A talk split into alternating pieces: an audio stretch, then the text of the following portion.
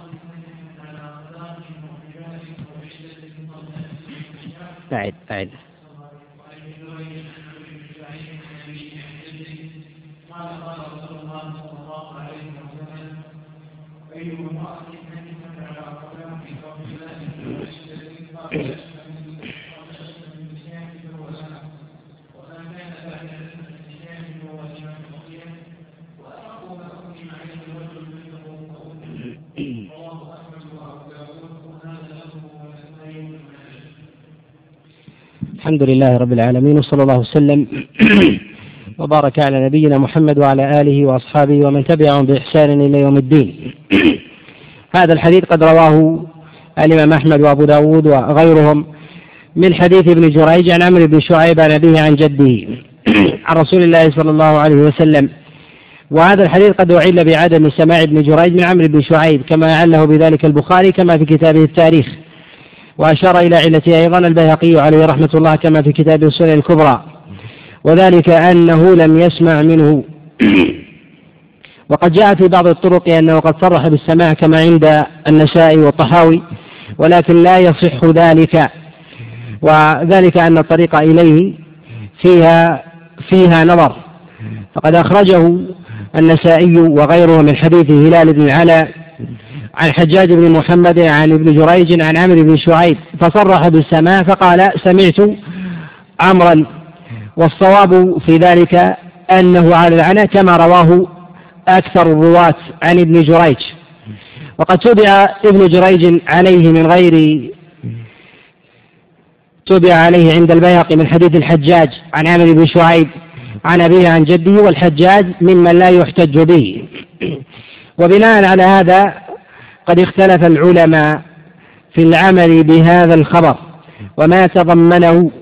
وذلك كما تقدم في مسألة الصداق أن الله سبحانه وتعالى قد أوجب الصداق وهو فرض بالإجماع.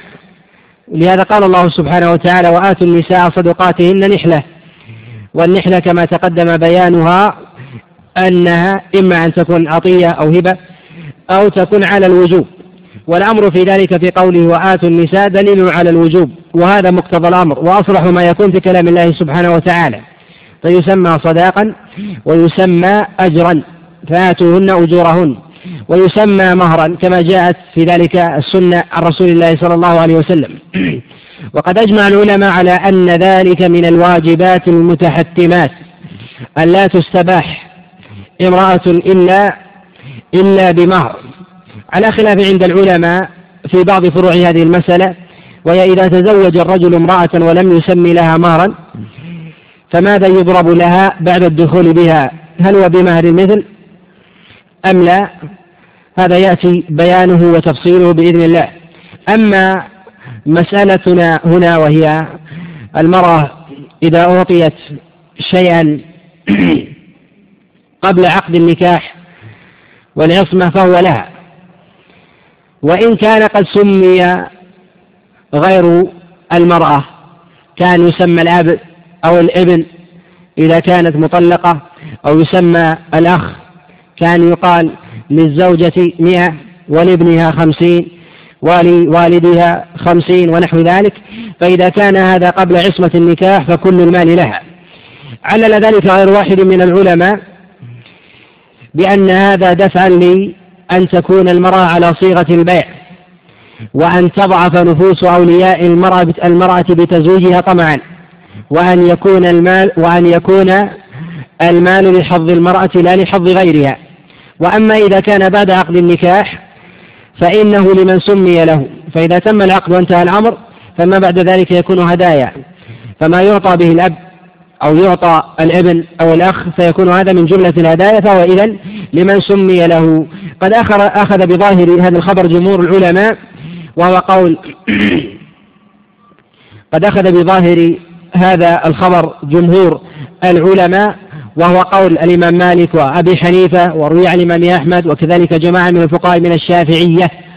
ومنهم من قال أنها لمن سمي لمن سمي المهر له سواء كان قبل أو بعد.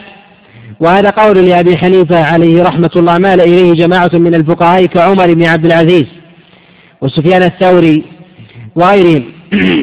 والصواب في ذلك أن المهر إذا كان قبل عصمة النكاح وسمي لأحد من أوليائها فإن المهر لها باعتبار أن هؤلاء ما وهبوا هذا المال إلا لاستباحة هذه المرأة.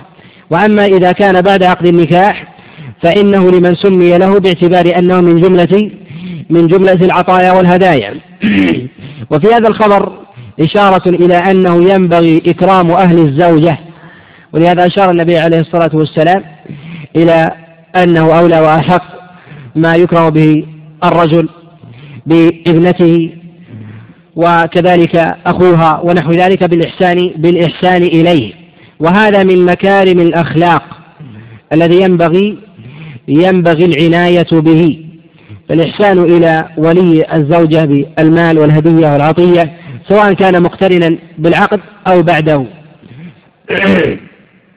ومن العلماء من قال إذا قيد المهر حال العقد باسم الولي أو باسم أخي الزوجة أو باسم ابنها وامتزج مع مهرها بطل هذا الاسم. وقيل بفساده مال إلى هذا بعض الفقهاء كما نص عليه الإمام مالك عليه رحمة الله تعالى في بعض مواضعه. وأما تسمية المهر على وجه الإجمال كان يقول الإنسان أتزوج فلانة أو زوجني فلانة على أن أهديها سيارة أو أهديها دارا أو أهديها أرضا. هذا صحيح بإجماع العلماء حكي الإجماع عليه. وهذا يسميه العلماء التفويض. إذا فوض الرجل المهر والتفويض على نوعين. تفويض بضع وتفويض مهر. والتفويض تفويض المهر هو أن يعلق المهر من غير تحديد لحاله كأن يقول أعطيها كيسا من ذهب أو أعطيها أرضا أو سيارة من غير بيان قيمتها. هذا صحيح بالاتفاق. حكي الإجماع عليه. على خلاف عند بعض الفقهاء من الشافعية ممن تأخر. كذلك تفويض البضع. كان يقول الرجل زوجتك بنتي من غير أن يسمي شيئا. وهذا صحيح بالاتفاق. أما إذا قال زوجتك ابنتي بلا مهر فهذا قد حكي الإجماع على أنه باطل لا يصح وأنه لا بد لا بد من المهر سواء تفويضا أو تعديلا. فإذا علق المهر صح وإذا زوج بلا مهر بطل ذلك. وذلك لإجماع العلماء على ذلك حكى إجماعهم غير واحد من العلماء كابن عبد البر والقرطبي وكذلك الحافظ بن حجر وغيرهم. إلا ما جاء عن أبي حنيفة عليه رحمة الله تعالى في بعض الأحوال أن الرجل إذا وهب ابنته لرجل وسمى مهرا صح ذلك وإن كان بلفظ الهبة. وهذا من جهة الصورة هو صورة المرأة إذا كانت في مهر فإن هذا يصح. ولا إشكال حينئذ قد فارقوا جمهور العلماء بإطلاق الهبة هنا. واستدل ببعض الآثار التي لا زمام لها ولا خطاب وذلك أن رجلا قد زوج ابنته وهو وهب ابنته لعبيد الله ابن الحرفة بشاهدين بلا مهر فأجاز ذلك علي بن أبي طالب عليه رضوان الله تعالى كما ذكر ذلك شخصي في كتاب المبسوط وهذا مما لا يعول عليه من جهة الإسناد عن علي بن أبي طالب عليه رضوان الله تعالى والأصل أن المهر محل وجوب عند العلماء كما حكي الاتفاق عليه. وما هو محل خلاف؟ ما تقدم الإشارة عليه في مسألة الشاهدين. وبعضهم يجزي يقول يجزي الإشهار عن الشاهدين وهذا ما تقدم الكلام عليه. وأما أن تهب المرأة التي ليس لها ولي نفسها لرجل من الرجال فهذا مما لا يجوز. بل هو محرم بالاتفاق. على خلاف عند العلماء في مسألة المرأة بلا ولي إذا كانت هبة بلا مهر فهذا محرم بالاتفاق حكى اتفاق العلماء على حرمته غير واحد كما تقدم أبن عبد البر وكذلك القرطبي وكذلك الحافظ بن حجر وكذلك ابن عطية وغيرهم. على خلاف فيما تقدم الإشارة إليه في ترخيص بعض الأحناف بالهبة إذا سمى مهرا وإن أطلق لفظ الهبة. وإلى هذا ذهب بعض الفقهاء من وإلى هذا ذهب بعض الفقهاء من الشافعية. وذلك لأن هذا من خصوصية النبي عليه الصلاة والسلام. أن خصه الله عز وجل بالمرأة إن وهبت نفسها للنبي إن أراد النبي أن يستنكحها. خالصة لك من دون المؤمنين. وهذا دليل على الخصوصية ونص صريح فيه. فلا يجوز لأحد من الناس أن يقبل هبة امرأة نفسها له بلا مهر. فإن هذا فاسد بإجماع بإجماع السلف والخلف. نعم.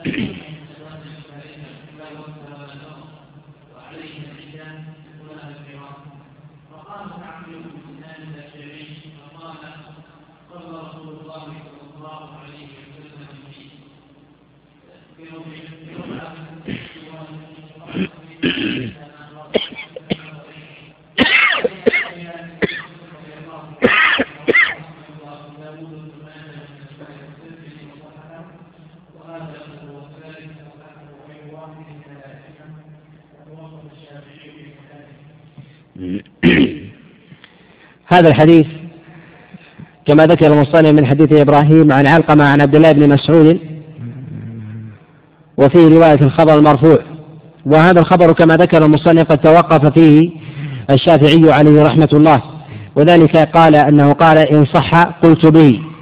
والتوقف هنا منه في حال عدم ثبوت إسناده. والصواب أنه صحيح. ولهذا قال الحاكم كما في كتابه المستدرك قد صح فقل به يعني الشافعي. وذلك لصحة الإسناد فهو من أصح الأسانيد عن, عبد الله بن مسعود كما رواه إبراهيم النخعي عن علقمة عن عبد الله بن مسعود عن رسول الله صلى الله عليه وسلم. وهذا الخبر قد ذهب إليه عامة العلماء من الأئمة الأربعة وغيرهم على خلاف عند الشافعي فإنه قد ذهب إلى خلاف هذا القول في قول القديم وذهب في قوله الأخير إلى ما يوافق جمهور العلماء. من أن المرأة إذا عقد عليها زوجها ثم ولم يسمي لها ولم يسمي لها صداقا ثم توفي عنها فإنها يجب عليها العدة. وإذا سمى لها صداقا فإن الصداق لها. وهذا محل محل إجماع عند العلماء في مسألة الوفاة على خلاف عندهم في مسألة الطلاق. إذا طلق الرجل المرأة قبل أن يدخل بها. فذهب جماهير العلماء بل حكي الاتفاق على ذلك على أن المرأة لها النصف. إذا فرض الرجل لها نصيبا من المهر ثم عقد عليها ثم طلقها فإن لها النصف. وإذا دخل عليها فقد اتفق العلماء على أن لها المهر كاملا. حكى إجماع العلماء على ذلك غير واحد كابن المنذر وابن عبد البر والقرطبي وغيرهم. وإذا لم يسمي لها شيئا فإن لها أن يمتعها متاعا حسنا على خلاف عند العلماء في مسألة المتاع الحسن. هل هو على الوجوب أم على الاستحباب؟ قد اختلف العلماء في ذلك. ذهب الإمام مالك رحمة الله تعالى إلى أنه على الاستحباب لا على الوجوب. ذهب بعض الفقهاء من الحنابلة والظاهرية إلى أنه على الوجوب. والذي يظهر والله أعلم أنه على أنه على الاستحباب. والمسائل في مسألة الصداق إذا تقدم التقرير أن الصلاة واجب بإجماع العلماء فإنه في مسألة تقديره على التفصيل التالي. من جهة إذا تزوج الرجل امرأة وعلق مهرها صح ذلك بالإجماع. وإذا تراضيا على شيء أجزأ بالاتفاق. وإذا لم يتراضى على شيء بعينه قد علق فيفصل بينهم الحاكم ويكون حينئذ أمره مقضيا وأما إذا سمى لها شيئا وبينه فإنه يلتزم بذلك. وإن دخل بها وجب لها المهر كاملا. وتفسير الدخول عند العلماء قالوا يجب, يجب في الدخول أن يخلو بها وأن يباشرها. وأما إذا باشرها من غير من غير جماع فذهب أكثر العلماء إلى أنه بذلك لا يحق لها المهر كاملا. وذهب بعض الفقهاء إلى أنه يحق له المهر يحق لها المهر كاملا. ذهب إلى هذا بعض الفقهاء من الحنابلة والمالكية وغيرهم. قالوا ولو كان ذلك بقبلة بقبلة أو مس ولم لم يكن ذلك بجماع. والذي يظهر والله أعلم أنه لا بد من خلوة ومباشرة صريحة. فإذا كانت كذلك فإن المرأة لها لها المهر كاملا. وأما قبل ذلك لا يخلو الزوج من حالين. إذا فارق زوجته إما أن يفارقها بموت وقد سمى لها صداقا فلها الصداق كاملا. ويجب عليها العدة وترث ذلك الزوج. وهذا محل محل إجماع عند العلماء في مسألة الميراث ومسألة العدة. على خلاف عند العلماء في مسألة الصداق. ذهب جمهور العلماء إلى أن الصداق لها إذا كان قد سمي. ذهب إلى هذا جمهور العلماء وقال أبي حنيفة والإمام مالك وكذلك الإمام أحمد والشافعي في قوله الجديد. وأما من قال أنه لا صداق لها إذا لم يدخل بها إذا توفي عنها استدلوا بالأصل. قالوا وذلك أنه لا صداق لها باعتبار أنه لم يدخل عليها. وهذا قول بعيد لثبوت النص عن رسول الله صلى الله عليه وسلم. وقد روي القول بهذا القول عن علي بن أبي طالب عليه رضوان الله تعالى وعبد الله بن عباس وعبد الله بن عمر ولا يصح في ذلك شيء مما يوافق قول الشافعي عليه رحمة الله. والشافعي قد رجع عن هذا القول فقال بما يوافق جمهور العلماء بقوله آل الجديد بمصر. وعليه قال أن الأئمة الأربعة قد قد اتفقوا على أن الرجل إذا توفي عن زوجته وقد سمى لها مارا فإن لها الصداق كاملا. وهذا كما هو ثابت في النص. وأما تعليق الشافعي عليه رحمة الله إن ثبت الخبر قلت به فيقال أنه قد ثبت وقد قال به كما حكى ذلك غير واحد من فقهاء الشافعية. وأما تضعيف الواقد له بإعلاله بهذا الخبر قال وذلك أن إسناده كوفي باعتبار أنه يرويه إبراهيم النخعي وهو من أهل الكوفة عن علقمة كوفي عن عبد الله بن مسعود عليه رضوان الله تعالى قال وقد جاء به أهل الكوفة إلى أهل المدينة ولم يعرفه أهل المدينة قال فيعل بذلك وهذا من جهة التأصيل والنظر عند النقاد وجيه الأخذ بمثل هذا التعليل لكن بمثل هذا الخبر لا يقال به باعتبار أن أهل المدينة يفتون بذلك. ويكفي فتوى إمام أهل المدينة الإمام مالك عليه رحمة الله. والواقد لا يؤخذ بمثل تعليله. أما إذا جاء إسناد كوفي أو شامي أو مصري إلى أهل المدينة والحدث قد حدث في المدينة وأصل الإسناد هناك فإنه قد يقال بالتعليل. وأما إذا كان الرواة من أهل الاختصاص فإن عبد الله بن مسعود عليه رضوان الله تعالى من خاصة أصحابه علقمة ومن خاصة أصحاب علقمة إبراهيم. ومن خاصة أصحاب إبراهيم حماد بن سليمان. ومن خاصة أصحاب حماد بن سليمان أبو حنيفة. عليه رحمة الله لهذا شاع هذا القول وشاع هذا الخبر عند أهل الكوفة وشاع عند فقهاء الحنفية فقالوا به. وأما الرجل إذا علق المهر ولم يسمي شيئا ثم توفي عن زوجته فيقال أن لها المتاع بالمعروف. على خلاف عند العلماء على من يجب ذلك. وأما إذا طلق الرجل وهي الحالة الثانية في الفراق إذا طلق الرجل امرأته قبل أن يدخل بها وقد سمى لها صداقا فلها نصف ذلك الصداق. وإذا لم يسمي لها فعليه أن يمتعها بالمعروف. كل على حسبه. الموسع والضعيف كل بما يستطيع والإحسان في ذلك أن يعطي الإنسان الكفاية. قد نص على ذلك غير واحد من العلماء بل حكي الإجماع عليه أن معنى المتاع بالمعروف أن أن يكون ذلك على قدر كفاية المرأة وسد حاجتها. وأما إذا لم يسمي الرجل صداقا فعلق الصداقة بشيء غير معلوم قال سأضرب لك شيئا. فهذا كما تقدم فهو محل اتفاق عند العلماء. وإذا سمى الرجل للمرأة صداقا وأبت المرأة الدخول إليه إلا بصداقها فهل يصح ذلك منها أم لا؟ الامتناع. ذهب جمهور العلماء إلى أن المرأة يصح منها أن تمتنع عن الدخول إلى زوجها حتى تقبض مهرها. وذهب بعض الفقهاء من الشافعية وهو قول الشافعي إلى أنه لا يجوز لها ذلك والصواب أن لها ذلك باعتبار أنه قد استحل فرجها به. فصح أن تشترط تعجيله. وذلك من أوثق وأولى الشروط في كتاب الله فوجب الأخذ به. وإذا اشترطت المرأة أن يكون مهرها طلاق ضرتها فهل يصح ذلك أم لا؟ قالت مهري أن تطلق زوجتك فلانة. قد اختلف العلماء في ذلك ذهب جمهور العلماء إلى أن هذه التسمية باطلة ولا عبرة بها. وظاهر مذهب الإمام أحمد بل نص عليه إلى أن تلك التسمية صحيحة وتكون من المهر. وذلك قياسا على العتق. وذلك النبي عليه الصلاة والسلام قد أعتق صفية وجعل عتقها صداقها. وهذا من جهة المنفعة منفعة معنوية.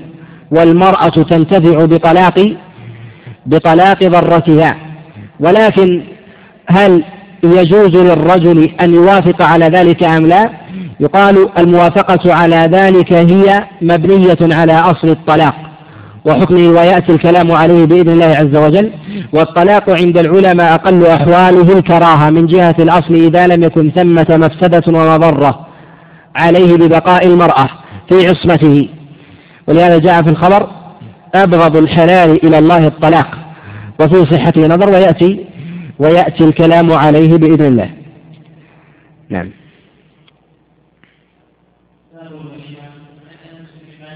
يقول باب الوليمة.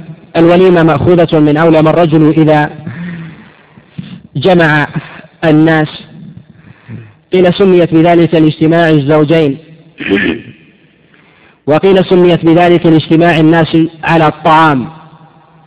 والوليمة تسمى بوليمة العرس خاصة. نص على ذلك غير واحد من أئمة اللغة كفعل وغيره ومنهم من قال إنها عام من ذلك والذي يظهر في استعمالات الشارع من من النصوص في المرفوع والموقوف. أن الوليمة إذا أطلقت فالمراد بها وليمة العرس ولا يراد بها غير ذلك. وهذا معروف في الجاهلية أيضا. أما ما عدا ذلك فإن هذا عرف بعد الصدر الأول بإطلاق الوليمة على ما عدا وليمة العرس كالعقيقة والقادم من السفر النقيعة ونحو ذلك. تسمى وليمة من جهة التجوز والأصل أن الوليمة لا تطلق إلا على وليمة النكاح. والوليمة أي وليمة النكاح قد حكى غير واحد من العلماء الإجماع على سنيتها. أنها سنة. وهي مشروعة بالاتفاق. وقد اختلف العلماء في وجوبها مع اتفاقهم على أنها من سنة وهدي محمد صلى الله عليه وسلم. واختلفوا بعد ذلك في الوجوب. هل ترتقي إلى إلى الوجوب أم لا؟ منهم من قال بالوجوب. وذلك لظاهر أمر النبي عليه الصلاة والسلام بقوله أولم ولو بشاة. وحرص النبي عليه الصلاة والسلام على أن يولم. كما أولم النبي عليه الصلاة والسلام على صفية. وجاء النص في ذلك أيضا عن جماعة من أزواجه كحفصة وغيرها. فدل هذا على التأكيد مع اقترانه بالأمر الصريح عنه عليه الصلاة والسلام. وذهب بعض العلماء إلى أو ذهب جمهورهم إلى أنها مشروعة وسنة وليست بواجبة. ذهب أهل الظاهر وجماعة من الفقهاء من الشافعية وقالوا هو ظاهر نص الشافعي في كتابه الأم أنها على الوجوب والذي يظهر والله أعلم أنها على الاستحباب. والوليمة أي وليمة العرس هل هي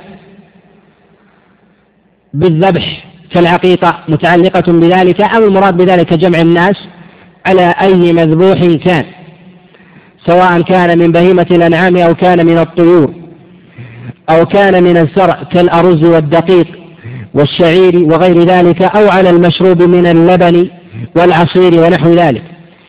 قد حكى غير واحد الإجماع على أن الوليمة لا تجب في شيء معين بل أن المشروع هو جمع الناس في ذلك. حكى إجماع العلماء على ذلك القاضي عياض. على أن الوليمة لا تجب بشيء معين.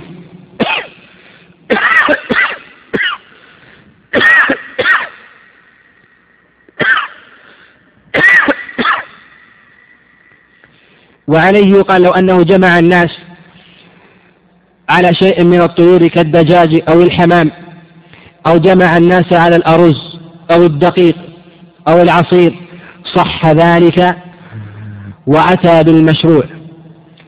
لكن قد يقال بأن الأولى هو الذبح لأن النبي عليه الصلاة والسلام قال أولم ولو بشاة. ولكن هل يتعبد بالذبح لهذه المناسبة على وجه الخصوص أم لا؟ التعبد في ذلك فيه نظر باعتبار أن النص لم يعلق بالذبح وإنما بالإطعام. ولهذا قال النبي عليه الصلاة والسلام أولم ولو بشاء أي اجمع الناس ولو على شاة سواء كانت ذبحت قبل العرس أم أم بعده. بخلاف العقيقة التي لا تكون إلا بعد حدوث سببها كذلك الأضحية وغيرها مما علقت بسبب فإنها لا تكون إلا بعد حدوث سببه. والذي يعبده النص من من السنة عن رسول الله صلى الله عليه وسلم وعمل الصحابة أن الوليمة لا تكون إلا بعد دخول الزوج بخلاف ما عليه عمل المتأخرين الذين يرون أن الوليمة هي قبل دخول الزوج أو مقترنة به. فإنما جاء رسول الله صلى الله عليه وسلم ويعرض ظاهر النصوص عنه عليه الصلاة والسلام أنه ما أولم إلا بعد دخوله لهذا لما سأل عبد الرحمن بن عوف عن رضوان الله تعالى وقال تزوجت قال أولم ولو بشاء وكان ذلك بعد بعد دخوله. وهذا وهذا هو الأولى بهدي النبي عليه الصلاة والسلام. ولو فعل الإنسان قبل ذلك فإن هذا مما لا حرج عليه ويكون حينئذ من عرف الناس الذي قد تعارفوا عليه. فإن فعل الإنسان هذا أي أتى بعد الدخول فلا حرج فيه وإن كان بعد الدخول فهو أولى وإن كان مقترنا بالدخول أو قبله فإن هذا مما لا حرج فيه باعتبار باعتبار أنه من العرف. ولا يجب شيء من الولائم غير وليمة العرس. حكى الإجماع على ذلك غير واحد من الفقهاء فمن الشافعية الماوردي قال أجمع العلماء على أنه لا يجب شيء من الولائم إلا وليمة العرس. وما عدا ذلك فإنه لا يجب. قد يقول قائل قد حكي الإجماع هنا والعقيقة قد قيل بوجوبها كذلك الأضحية يقال أن هذه ليست من الولائم. الولائم هي التي يدعى لها الناس. والسلف عليهم رحمة الله الصدر الأول من الصحابة والتابعين لم يكونوا يولموا بالعقيقة ولا بالأضحية. بل كانوا يقسمونها أثلاثا. فلا يجمعون الناس. ثلث يأكلون وثلث يهدون وثلث يتصدقون به. وتقدم الكلام معنا على هذه المسألة بخلاف بخلاف وليمة العرس التي يجمع عليها إن كانت شاة أو ناقة أو جملا يجمع عليها الناس كلهم. وهذا وهذا ظاهر.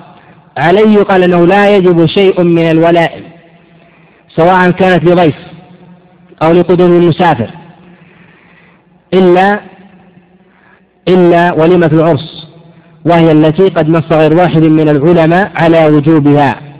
والوليمة هي من هدي النبي عليه الصلاة والسلام التي ينبغي أن يأتي بها الناس من غير سرف ولا مخيلة ولا مكابرة.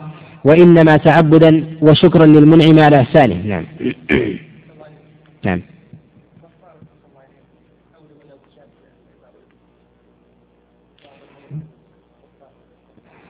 قول النبي عليه الصلاة والسلام ولو بشاة. هذا الأمر يعني على التخيير والتيسير. فإذا قيل ولو بشاة أي أن الإنسان مخير في ذلك سواء كان شاة أو مطعوما من أي طعام والتخيير في الإتيان بشيء من المشروع دليل على التوسعة في حكمه. أما إذا جاء تعيينه فالأصل فيه الوجوب. وهذا من القواعد التي يشير إليها العلماء. قالوا إذا حدد شيء بعينه فإن هذا دليل على وجوبه. وإذا خير الإنسان في أمر من الأمور دل هذا على التيسير في أصله والأمر به. نعم. نعم, نعم. هي من علامات الإشهار. هي من علامات الإشهار جمع الناس. لكن قد يشهر يقول الإنسان أن الإشهار قد يحصل بغير الوليمة أن يعلن الإنسان ويبلغ الناس أني قد تزوجت فباركوا ونحو ذلك. قال الإشهار لا يتحقق. أما إذا توقف الإشهار على الوليمة قد يقال بالوجوب من هذا الوجه. نعم.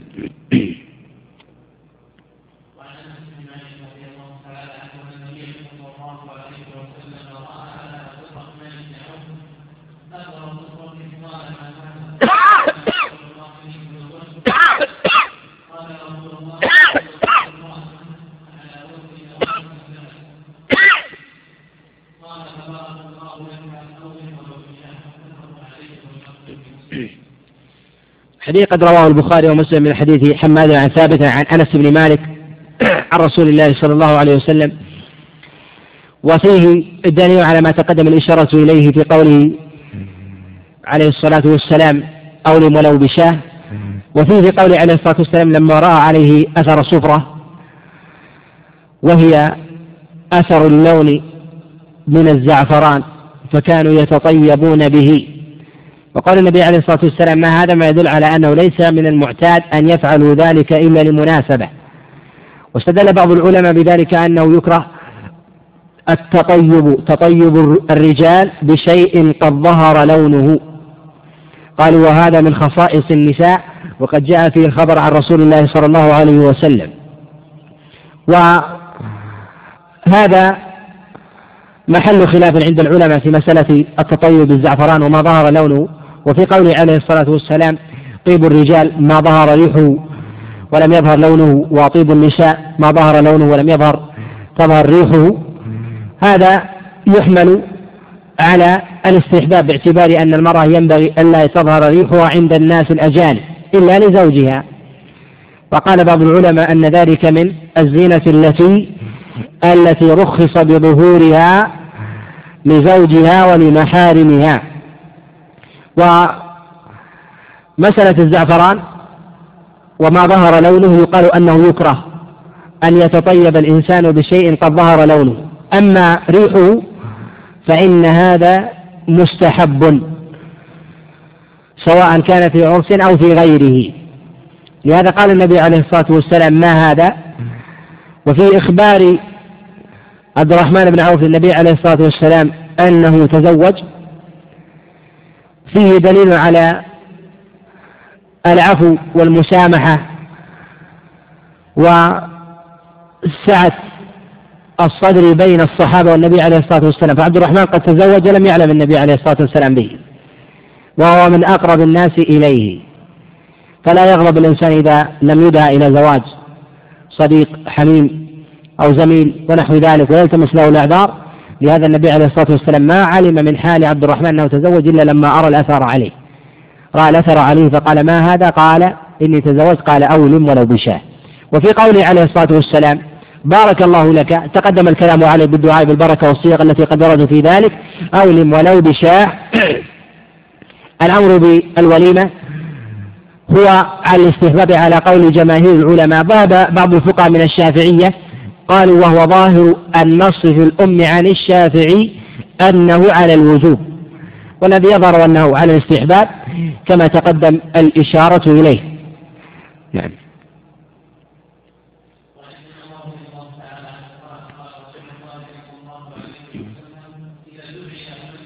وعن ابن عمر.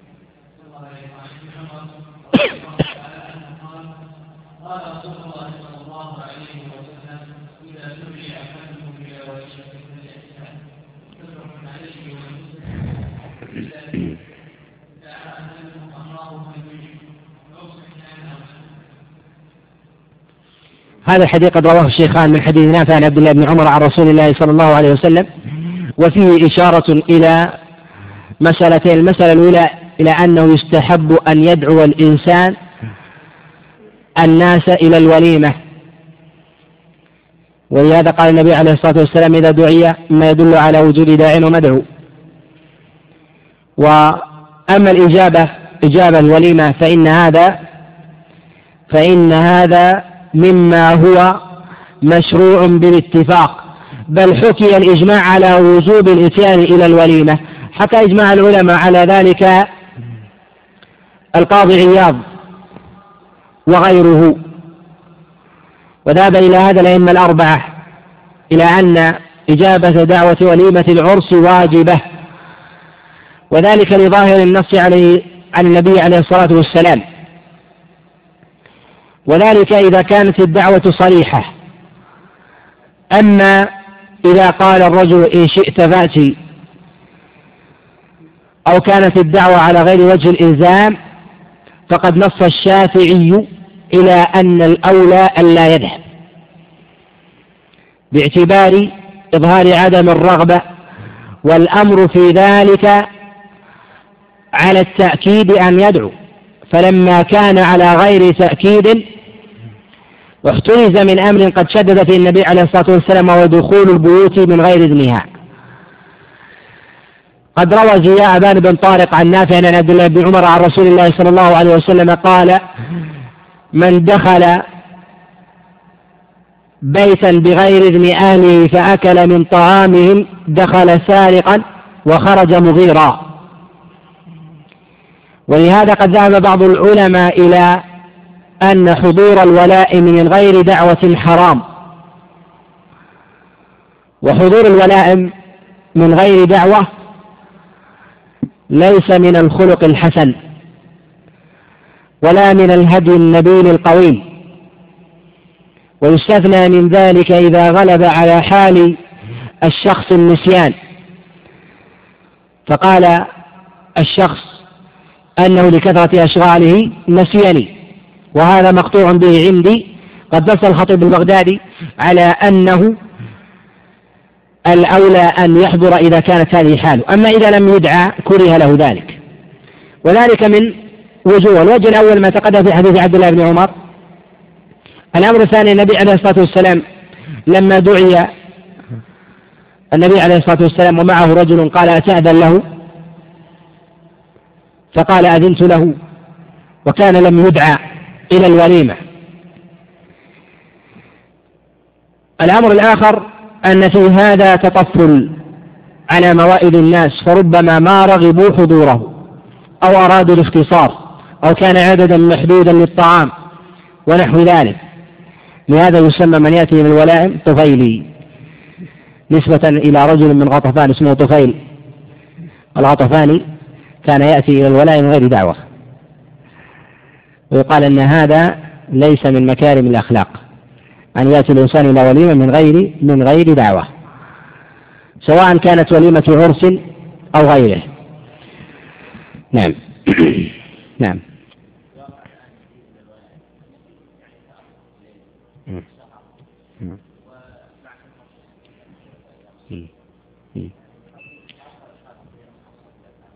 حضور الوليمة وأن يطعم الإنسان منها إن استطاع أو يأتي إليها ويبارك ثم يغادر وحضور الجمع يكفي في ذلك. وإن طعم فهو الأولى. كما جاء عن عبد الله بن عمر عليه رضوان الله تعالى أنه كان يحضر الوليمة صائما غير صائم. نعم. نعم. الذي يظهر لي والله أعلم أن بطاقات الدعوة ورسائل الجوال لا يجب فيها الإجابة. بطاقات الدعوة باعتبار أنها وصلت إلى حد الابتذال. فيعطى الشخص من الكروت عشرين وزع على أصحابك. هذا معتاد.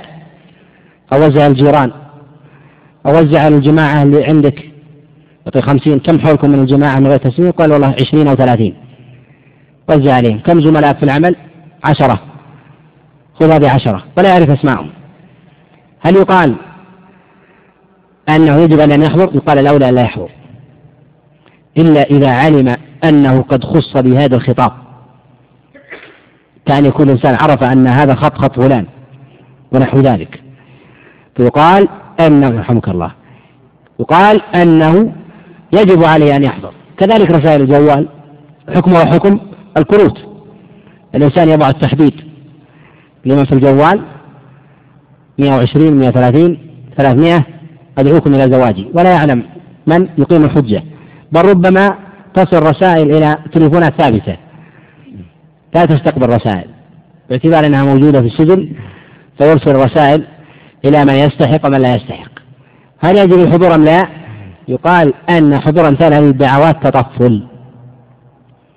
تطفل ولا ينبغي. إلا إذا عرف الإنسان أنه قد خص بهذه الرسالة. وأن فلان لا يمكن أن يشاله من جملة الناس فيقال حينئذ أنه ينبغي له أن يحضر بل يجب عليه. نعم. نعم. أي. لا بد من صاحب الوليمة لا من أخيه ولا من أبيه. وإن حضر بدعوة الأب طفيل. نعم. نعم يأخذ حكم المطاقات إذا قال الشخص لمن في المجلس أنتم مدعوون على زواجي ولا يعرف أسماءهم؟ جار شخص ووجد عنده ضيوف عشرة قال أبركها من ساعة زواجي الليلة أو غدا لازم تحضرون. ولا يعرف أسماءهم ولا هم شرقيون ولا غربيون. هل يجب عليهم؟ لا ما يجب. إن حضروا فلا بأس. وإن لم يحضروا فهو الأولى. نعم. ولو اقتدى الناس بهدي النبي عليه الصلاة والسلام في إجابة الوليمة والاستئذان في من لم يدعو ما تكلف الناس هذا التكلف وما فعلوا هذه الأمور الباهظة. كذلك لما لو وصل التلاحم والتواصل بين الناس مبلغ. باعتبار أن يعرفون الناس ما يحضرون إلا باعتبار أنك خصيت هذا الرجل. بل من الناس من بينه وبين فلان حساسية. فيبعث رسالة كإقامة الحجة عليه. ما دعوته ولم يحضر. وأقام الحجة وبعث له رسالة. وهذا لا شك أنه فيه نوع تقصير نعم. إيه لا حرج. أن يقول أنابني فلان.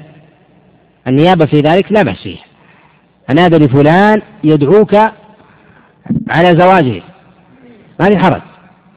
لكن لو قال ندعوك على زواج ابننا فلان أو أخي فلان سيتزوج الليلة هذا تطفل نعم.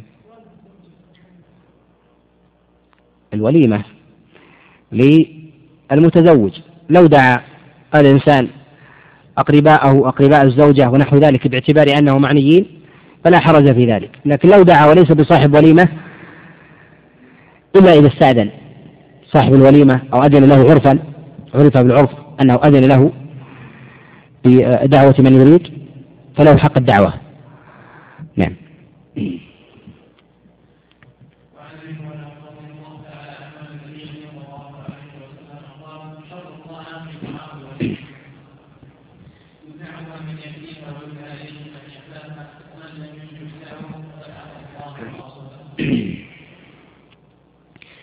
هذا الحديث دليل على ما تقدم من أن الوليمة هي خاصة بالعرس وهي موضع للتباهي لهذا قال شر الطعام طعام الوليمة.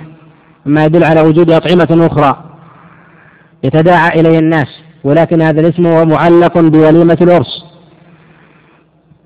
يدعى إليها من يأباها.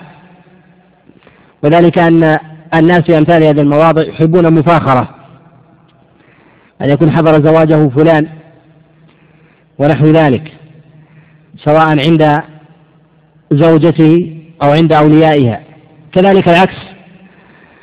أما الفقراء فإنهم لا يدعون إلى ذلك ويدل هذا على أن هذه عادة قديمة مكروهة. وقال النبي عليه الصلاة والسلام شر الطعام طعام الوليمة باعتبار الدعوة كما هو جاء كما جاء هنا مفسرا. لا باعتبار ذات الوليمة فهي مستحبة ومتأكدة في حق الإنسان. كما تقدم بيانه. والدعوة الأصل فيها أن على ما تقدم إلا إذا كان ثمة أمر محرم أو مكروه. إذا كان ثمة أمر محرم في الوليمة كالتماثيل أو التصاوير أو أغاني محرمة أو شيء من الإسراف المحرم يقال بأن الإنسان إذا لم يستطع الإنكار لولا أن لا يحضر. إلا إذا تيقن أن في حضوره تقليل من هذا المنكر. فيقال حينئذ لا حرج عليه أن يحضر نص على ذلك أحمد. وإذا وجد في الوليمة تصاوير يقال التصاوير لا تخلو من حالين إما مكرمة معلقة بالحائط أو مرسومة على الجدران فهذا من المنكر على التفصيل السابق. أما إذا كانت مهانة على الأراضي على الأرضيات المداخل أو الممرات أو على المقاعد مياثر فيوجد رسوم على الكنب ونحو ذلك ويقال أنه لا حرج في ذلك باعتبار أنها مهانة. وهذا وهذا قد نص عليه غير واحد من الأئمة. كسعيد بن جبير وإبراهيم النخعي ومجاهد وغيرهم. نعم.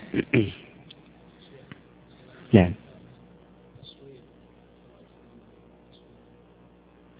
فيديو الأمر هين باعتبار أنه متحرك. ومثله مثل المرآة. نعم. نعم.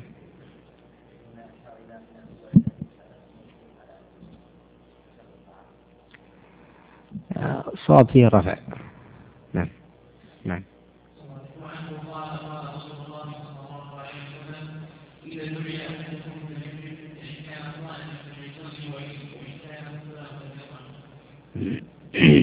هذا الحديث الصحيح وسواء كان صائما أو مفطرا فعليه الحضور. جاء هذا عن عثمان بن عفان وعن عبد الله بن عمر عليهما رضوان الله تعالى. فقد روى البخاري وغيره من حديث نافع عن عبد الله بن عمر أن عبد الله بن عمر إذا دعي إلى وليمة فإن كان مفطرا طعم وإن كان صائما دعا. وجاء في رواية عنه من حديث نافع عبد الله بن عمر أنه إذا كان صائما مد يده ثم قبضها. فقال كلوا بسم الله. ما يدل على تأكيد ذلك. وإذا أفطر الإنسان وقطع صيامه يقال لا يخلو إذا كان الإنسان يغلب على حاله أن يعلم أن صاحب الدار يؤكد عليه ذلك وسيفرح يدخل عليه سرورا عظيما. يختلف عن سائر الناس فإنه لا حرج عليه أن يفطر احتسابا. وقد يقال باعتبار أنه الأولى وإذا كان من سواد الناس ومن جملتهم يحضر وإن جلس معهم ولم يطعم ثم قام كما فعل عبد الله بن عمر عليه رضوان الله تعالى فإن هذا فإن هذا لا حرج فيه. وإنما فعل عبد الله بن عمر ذلك باعتبارين. الاعتبار الأول دفعا للرياء أن يجلس فيغلب على الناظر أنه صائم فشارك في الجلوس ثم قام. الأمر الثاني كي لا يظن ظان أنه لا يطعم حملا في نفسه على طعام صاحب الوليمة أنه مشروع بحرام أو دعي مكروها. أو كان يأنف من هذا الطعام أو الجلوس مع الفقراء أو الجالسين ونحو ذلك فناسب أن يشاركهم على هذه الأحوال. نعم. نعم. لا في الوليمة خاصة. في وليمة العرس. أما ما عداها من الطعام إذا دعي له الإنسان فحكي الإجماع على أنه مستحب. وإذا لم يذهب إليه الإنسان فلا حرج عليه. ومخير. نعم.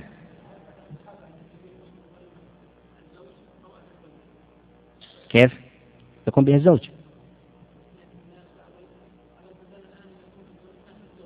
عرف عند الناس. عرف باعتبار أنهم يعطونهم مهر ويقومون بهذا بجزء من المهر. نعم. نعم. النبي خاطب عبد الرحمن عوف متزوج قال أولي ملوشات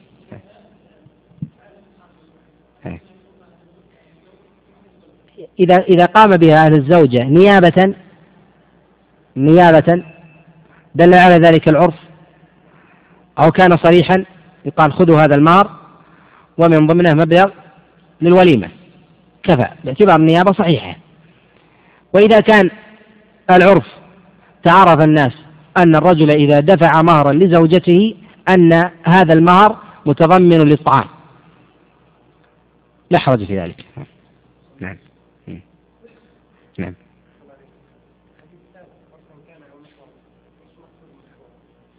كيف؟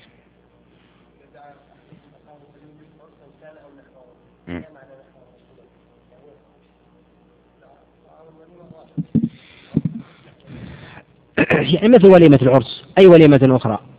قال فليجب هو على الاستحباب في غير وليمة العرس. فيكون حينئذ في قوله فليجب على الأمر في التشريع. يكون على الاستحباب. خصت الوليمة بالوجوب للخصوصية في قوله عليه الصلاة والسلام فقد عصى رسوله. ويأتي الكلام عليه. نعم.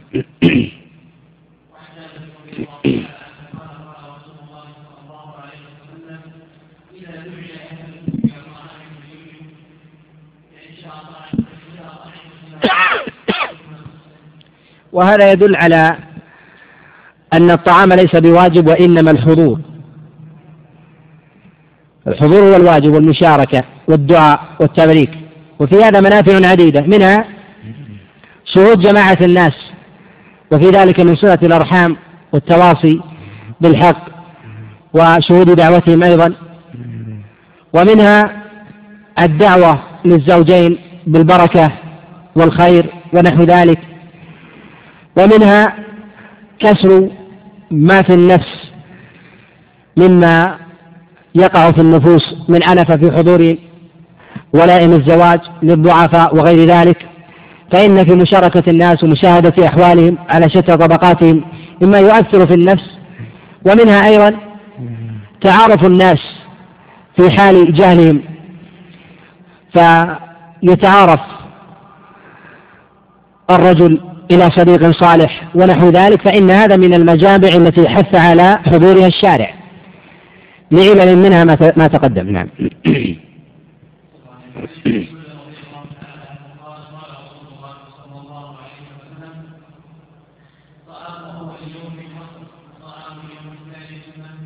كفاية يستثنى مما تقدم في مسألة الحضور إلى الوليمة إذا ألمح الرجل إلى صاحب الوليمة إلماحات حتى يدعوه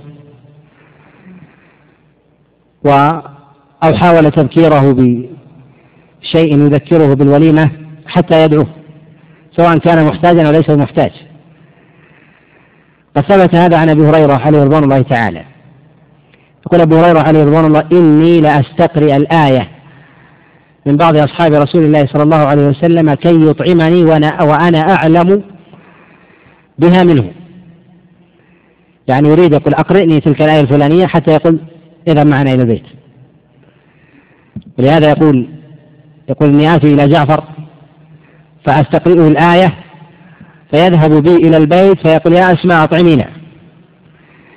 بل كان لا يحدث بعضهم إلا إذا طعم لأنه قال عليه رضوان الله تعالى كنت أجلس عند رسول الله صلى الله عليه وسلم والحجر على بطني. فما أكلت شعيرا ولا دقيقا وربما استقرأت أحدا من أصحاب رسول الله صلى الله عليه وسلم آية أي طلبت أن يقرئني إياها وأنا أعلم بها منه كي يطعمني. ما حمل أبو هريرة عليه رضوان الله تعالى على ذلك إلا انشغاله بسنة رسول الله صلى الله عليه وسلم. فقدم هذا الأمر لهذا الأمر الجليل العظيم فكان أحفظ أصحاب رسول الله صلى الله عليه وسلم وأوعاهم بسنته فنشر علما كثيرا في الناس فكان أكثرهم مرويات وأكثرهم محفوظات ببركة دعاء النبي عليه الصلاة والسلام له.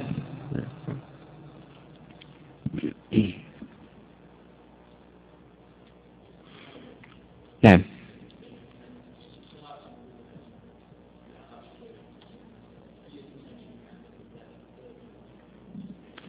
هل يجوز ماذا؟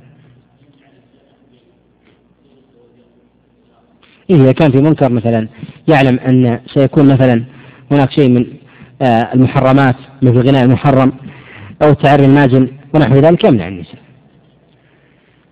يعني هذا في عنقه. أما إذا كان مثلا يعلم أن حضور زوجته سيقلل هذا المنكر فيكون حكمه حكم الرجل على التفصيل السابق. نعم.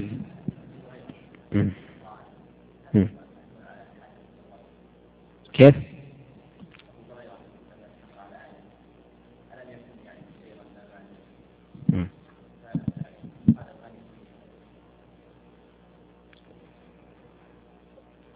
كيف يعني؟ لكن يظهر أن هذا تكرر منه. وجلوسه عند النبي عليه الصلاة والسلام ليس واجبا عليه. فما ترك ذلك أو بحث عن رزق ولم يجد. فترك هذا إلى أمر فاضل وهو حفظ سنة النبي عليه الصلاة والسلام. لكن لو الإنسان أصبح فقيرا وضعيف اليد ولم يجد عملا أو قوتا هذا هو الفقير. أما شخص يجد سبيل إلى العمل ولم يعمل ويتقوت عند الناس يقال أنه آثم في ذلك إلا إذا قدم فاضلا على مفضول. وهنا أبو هريرة عليه رضوان الله تعالى قدم الأمر الفاضل وهو الانشغال بأعلى وأولى ما ينشغل به وهو حفظ سنة رسول الله صلى الله عليه وسلم. فانشغل بذلك وحفظها عن الانصراف في طلب الرزق وطلبه الأسواق. وهذا أولى ما ينشغل به فهو ما ترك أمرا فاضلا إلى أمر مفضول فيقال في حقه هذا ولكن يقال أنه انصرف إلى أمر فاضل فدخل وأشركه في ذلك الغني نعم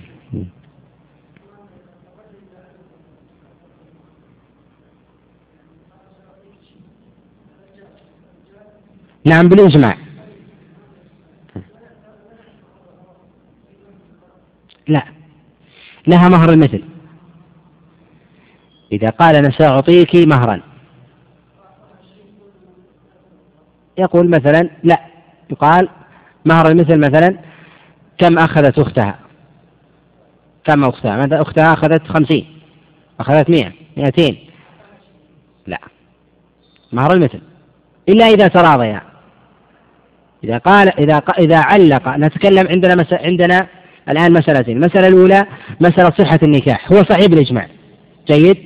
المسألة الثانية ما هو المقدار الذي يعطيه الزوجة؟ إذا تراضيا على مال لا حرج في ذلك. هذا بالاتفاق. ما هو الأمر المقدر الذي يجب على الزوج أن يعطيه المرأة؟ إذا اشترطت يقال مهر المثل.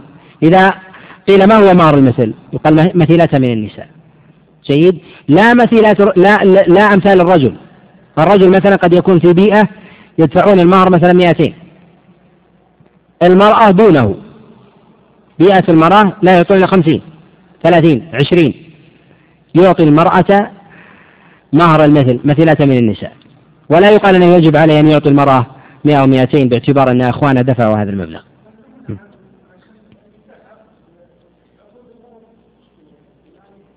هذه مسألة فيها إجماع. هذا بالإجماع نعم نعم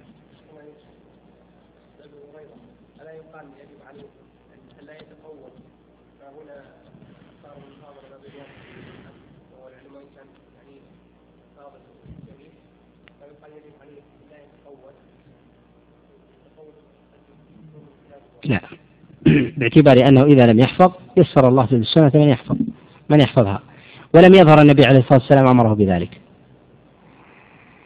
وكان يأتي إلى النبي عليه الصلاة والسلام طوعا وتتبعا للفضل. نعم. المنكرات المحرمات. الأغاني بغض النظر عن ما دل الدليل عليه ما دل الدليل عليه فإنه يرخص فيه.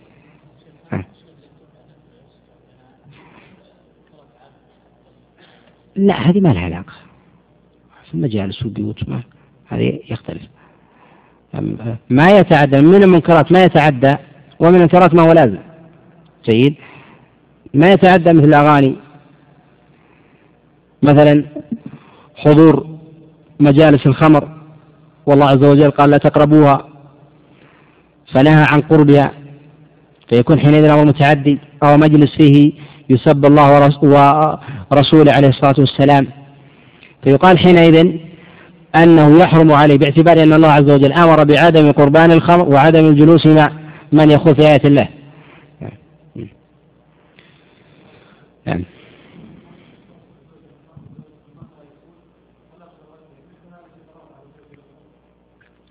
مسألة الصحة شيء؟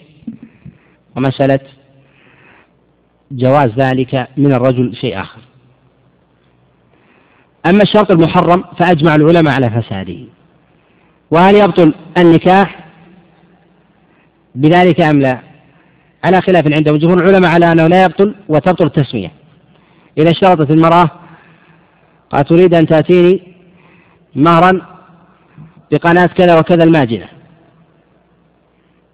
جيد؟ أو تأتيني بخمر.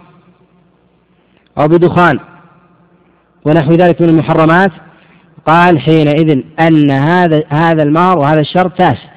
هل يفسد به العقد يحتاج إلى عقد جديد؟ أم لا؟ على خلاف عند العلماء. صاب أنه لا يحتاج ولها مهر مثلها وصلى الله وسلم وبارك على نبينا محمد.